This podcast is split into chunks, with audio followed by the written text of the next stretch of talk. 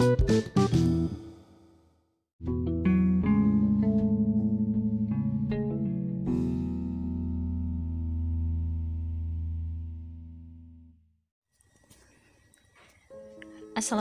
warahmatullahi wabarakatuh. Selamat datang kembali di channel Harafalin Podcast Tuan Rumah Harafalin. Apa kabar kamu semuanya? Mudah-mudahan selalu dalam kondisi sehat walafiat Kembali saya menyapa ruang dengar kamu di mana pun berada Dan pada kesempatan kali ini Saya ingin membahas tentang hal yang pernah kita bahas sebelumnya Di mana kalau nggak salah nih waktu itu saya bahas tentang um, isi buku yang membahas tentang sukses dengan sikap mental wira swasta. Buku itu adalah karangan Dr. Andes Didin Burhanuddin HS ya. Dan beliau sekarang sudah almarhum. Di mana pada kesempatan yang sebelumnya kita membahas tentang uh, poin yang pertama yaitu berkisah tentang jalur yang pasti. Nah, saya kembali mencoba mengulasnya. Buku ini terdiri dari 15 oh ya, sorry, 16 langkah. Di antaranya adalah tentang jalur yang pasti, kemudian apa dan berapa, kemudian bagaimana mencapainya, yang keempat baca berulang-ulang, kemudian yang kelima kapan mencapainya, yang keenam adalah hasrat yang menyala-nyala, yang ketujuh adalah kerja keras, kemudian delapan berdoa, yang kesembilan adalah merebut kesempatan, yang kesepuluh hindari godaan, kemudian yang sebelas adalah menghargai waktu, yang dua belas adalah bahan kritik, tahan kritik, kemudian yang ketiga belas adalah tahan derita, 14 ambil risiko dan 15 belajar dari kegagalan dan yang terakhir adalah lakukan sekarang. Oke. Sekarang kita akan membahas tentang yang kedua ya. Bagi teman-teman yang baru saja bergabung di channel Harafalin Podcast, selamat bergabung. Semoga um, dapat mengambil manfaat yang sebanyak-banyaknya dari postingan ini. Nah, sahabat pendengar, mungkin kita pernah merasa bahwa kita sudah berada pada jalur yang pasti. Akan tetapi, kita masih merasa tetap tidak bisa menjangkau apa saja gitu yang kita harapkan. Semisalnya seperti karir yang menanjak, kemudian imbalan yang cukup dan hasil yang memuaskan belum kita rasakan. Dan padahal nih kalau misalnya dipikir-pikir gitu ya, kita merasa bahwa telah menunjukkan prestasi yang cukup baik gitu di tempat perusahaan kita bekerja atau di instansi kita mengabdi. Dan pekerjaan atau tugas apa saja yang telah kita lakukan itu kita usahakan untuk memberikan yang terbaik gitu dan kita menjaring hubungan yang sehat dengan atasan, kemudian hubungan relasi yang baik juga dengan beberapa klien berserta dengan teman-teman sekantor. Nah, mungkin kita juga sering gitu mendapatkan apresiasi yang bagus dari pimpinan kita, dari uh, teman-teman sejauh kita gitu. Namun kenyataannya kita juga tidak mendapatkan benar-benar apa yang kita harapkan gitu. Nah, perlu kita sadari bahwa mungkin kita tidak menyadari keadaan yang demikian itu karena kita sudah merasa puas dengan keadaan yang sepanjang hayat kita memang seperti itu faktanya gitu. Dan akan tetapi kita merasa bahwa sesuatu keadaan tersebut di mana lingkungan dan orang-orangnya semakin mendesak kita untuk meras uh, untuk lebih baik lagi ke depannya. Nah, penyebabnya di sini adalah perasaan dan keadaan demikian itu timbul karena kita tidak menentukan apa yang ingin kita capai dan berapa imbalan yang kita harapkan. Kalau misalnya di pada saat kita melamar kerja, itu kan bagian interview. Waktu saat kita interview itu akan ada obrolan tentang berapa gaji yang diharapkan gitu.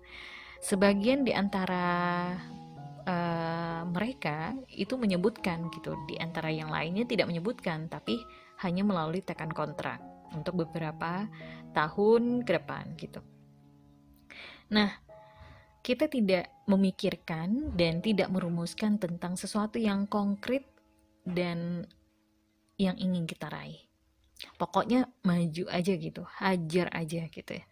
apa pun apa pun hasilnya nanti belakangan gitu memang ini adalah sebuah mental yang positif bagi kehidupan kita tapi uh, menyikapi hal tersebut tentunya kita butuh salah satu metode bagaimana supaya kita tidak berjalan di tempat nah dalam buku ini dijelaskan juga bahwa uh, dalam hal keuangan misalnya kita tidak menentukan jumlah yang jelas, kemudian jumlah yang benar-benar kita butuhkan gitu. Dan pokoknya bagi kita tuh cukup aja gitu. Dan itulah prinsip yang kita pakai selama ini. Dan sebagian uh, efek dari akibat ini adalah kita tidak mengetahui apa yang harus dan sebagai penebus keinginan kita itu gitu. Ya kalau misalnya penebus keinginan bisa jadi kita melakukan hal-hal yang di luar dari apa yang sebenarnya sudah digariskan untuk kita gitu jadi butuh transparansi terhadap um, tempat kerja butuh transparansi juga kepada dari kita kepada pimpinan misalnya Nah, jalan keluarnya di sini adalah dengan merumuskan apa yang ingin dicapai. Bahasa lainnya itu adalah bikin um, mind mapnya gitu, map mapping dan di sana kita bisa menuliskan poin-poin yang sudah diulas dalam buku ini. Nah, yang pertama itu adalah saya harus mencapai sesuatu. Kemudian yang kedua adalah saya harus menghasilkan sesuatu. Kemudian yang ketiga adalah saya harus menerima sesuatu. Kemudian saya harus meraih sesuatu dan teman-teman bisa mengganti kalimat sesuatu ini dengan yang kita inginkan. Kemudian dengan merumuskan beberapa hal yang memang kita dap ingin dapatkan gitu. Di mana yang pertama itu adalah saya harus memperoleh sejumlah uang gitu. Kemudian saya harus menerima sejumlah uang, saya harus mencari sejumlah uang dan teman-teman juga bisa mengganti kalimat sejumlah ini dengan jumlah yang teman-teman harapkan. Dan tentu saja apa yang uh, kita tentukan itu harus sesuai dengan kemampuan maksimal yang kita miliki di tempat kerja. Dan apa yang ingin kita capai itu akan kita rasakan ketika benar-benar tangga yang kita tapaki itu adalah tangga yang betul-betul kita mampu gitu dalam artian realistis ya. Dan satu kuncinya adalah kita harus ingat bahwa kita ini manusia biasa yang tidak bisa mendadak tiba-tiba besok langsung di level 10 gitu. Sementara kita juga belum sampai di level 5 gitu ya. Paling level kita baru 3, kemudian kita merangkak 4, 4 ke 5, 5 ke 6 dan seterusnya. Tidak bisa tiba-tiba teman-teman langsung bilang di level 10 gitu. Itu menjadi sesuatu hal yang tidak mungkin karena tidak ada usaha di sana. Karena memang kalau di tempat kerja kita juga harus realistis dong ya. Nah, kita tidak bisa terbang ke puncak kalau misalnya kita tidak mau mempersiapkannya dari sekarang gitu. Dan untuk melengkapi kisah dalam buku ini, kalau misalnya teman-teman punya bukunya, itu bukunya uh, terbitan dari Mutiara Sumber Widya di halaman ke-13 ya. Nah, dari kisah ini ada dua buah kisah yang menarik untuk kita bahas juga. Di mana yang pertama itu adalah kisah tentang um, Iaquest Festio. Saya juga agak sulit untuk membacanya. Dan di sini ketika si penulis menceritakan bahwa um, pernahkah Anda melihat film Journey of the End of the Year di mana ini adalah produksi filmnya Chestio Foundation dan itu adalah milik Iaquest uh, Yes Castillo di mana semua film yang diproduksi tersebut merupakan pengungkapan rahasia dasar laut. Dan hampir semua pirsawan pasti terpersona dengan filmnya, di mana membahas mengenai penyelam-penyelam yang berenang di antara ikan-ikan hiu yang sangat ganas. Kemudian kehidupan berbagai jenis hewan seperti pinguin, kemudian ikan paus, kemudian singa laut dan lainnya dibuatkan dalam bentuk film. Dengan uang yang dimilikinya ini, dia kemudian membeli kapal bekas dan dari Angkatan Laut Inggris dan mengubahnya menjadi laboratorium terapung. Nah, menariknya dia melengkapi kapal yang dia sebut dengan nama Calypso yang dipergunakannya sebagai laboratorium itu dengan pesawat sonar yang sanggup untuk menangkap getaran-getaran dari dasar laut yang radiusnya sampai 500 meter. Nah, dalam operasinya ini, Castiu menemukan reruntuhan kapal Romawi yang tenggelam 100 tahun sebelum Masehi dan kontrak dengan Departemen Pendidikan Perancis dibuatnya. Kapal selam kecil berbentuk piring itu sengaja dibuat untuk keperluan menyelam. Dan musim oceanologi dan museum oceanologi maksudnya dibuat dari sebuah kapal Inggris yang mewah gitu. Kemudian uh, diberi nama dengan sebutan Queen Mary dan dia mempergunakan kapal penjelajah itu dengan awak-awak kapalnya yang selanjutnya menjadi teknisi-teknisi di perusahaannya. Dan menariknya lagi adalah sejak kecil, Chasti memiliki tiga cita-cita. Yang pertama, dia ingin menjadi produser film, kemudian kedua dia ingin menjadi pelaut, dan yang ketiga dia ingin menjadi ahli radiologi. Tapi setelah dewasa, dia menetapkan untuk memilih laut yang kemudian dipilihnya pada laut adalah pada dasarnya ingin menggali seluruh biota-biota laut gitu.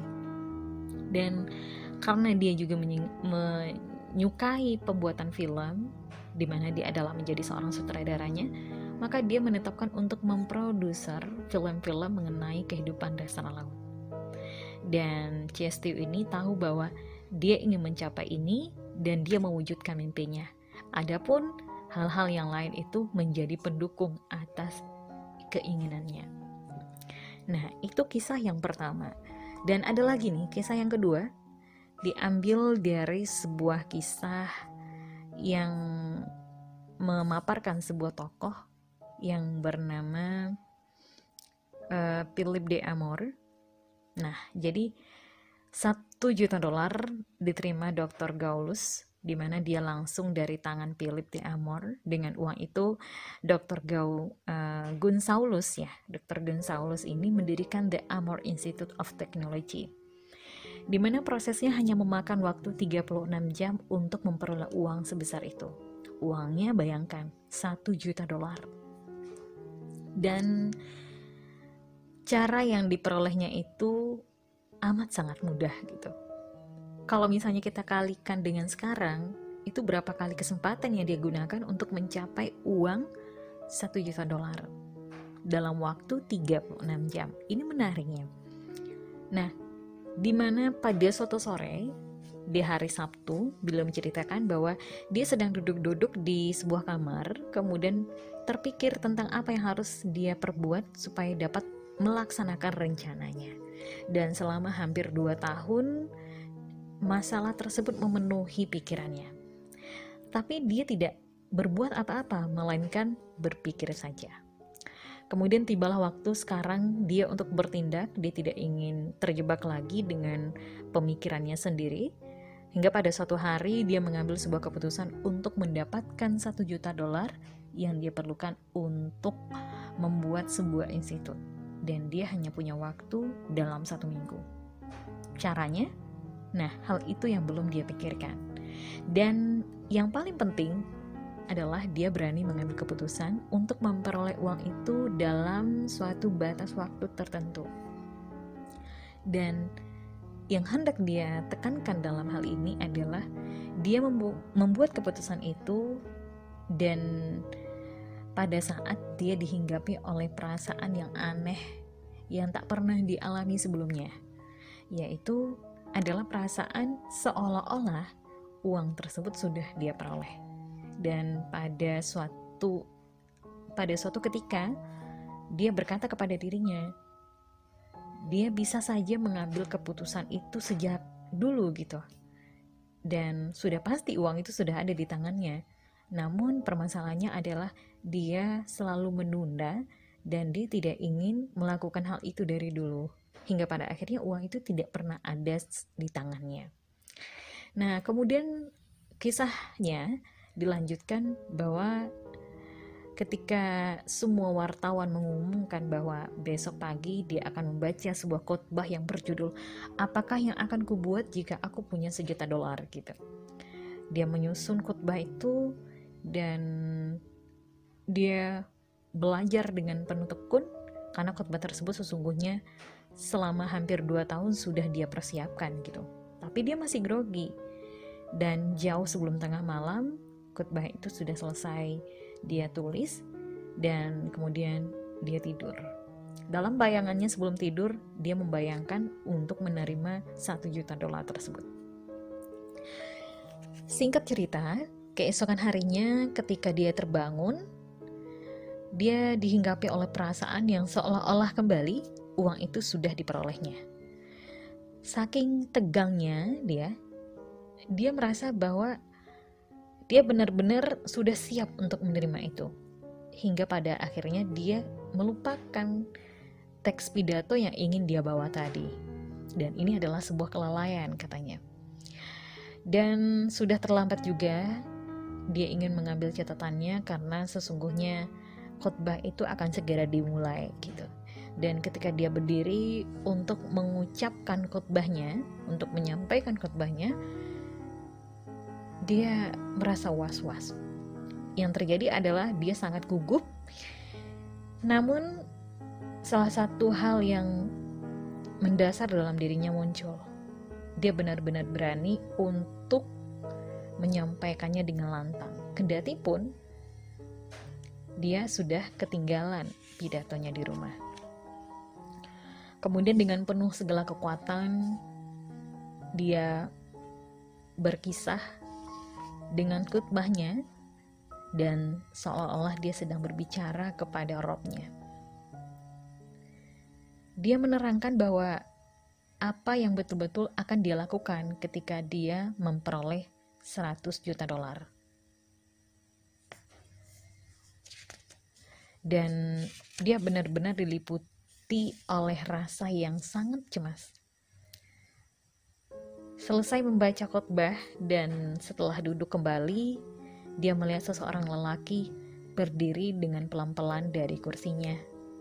Dan lelaki itu menuju dia dan mengatakan bahwa dia sangat terkesan dengan pidato tadi, lalu menyerahkan uang sejuta dolar tersebut ke tangannya.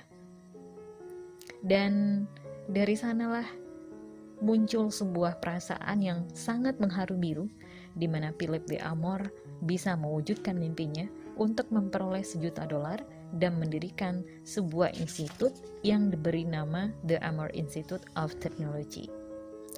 Kisah ini dikutip uh, dari Berpikir Maju karya uh, Dr. Andus Didin Burhanuddin dengan diambil juga dari kisah-kisah terdahulunya di mana berpikirlah maju, kaya, dan berhasil.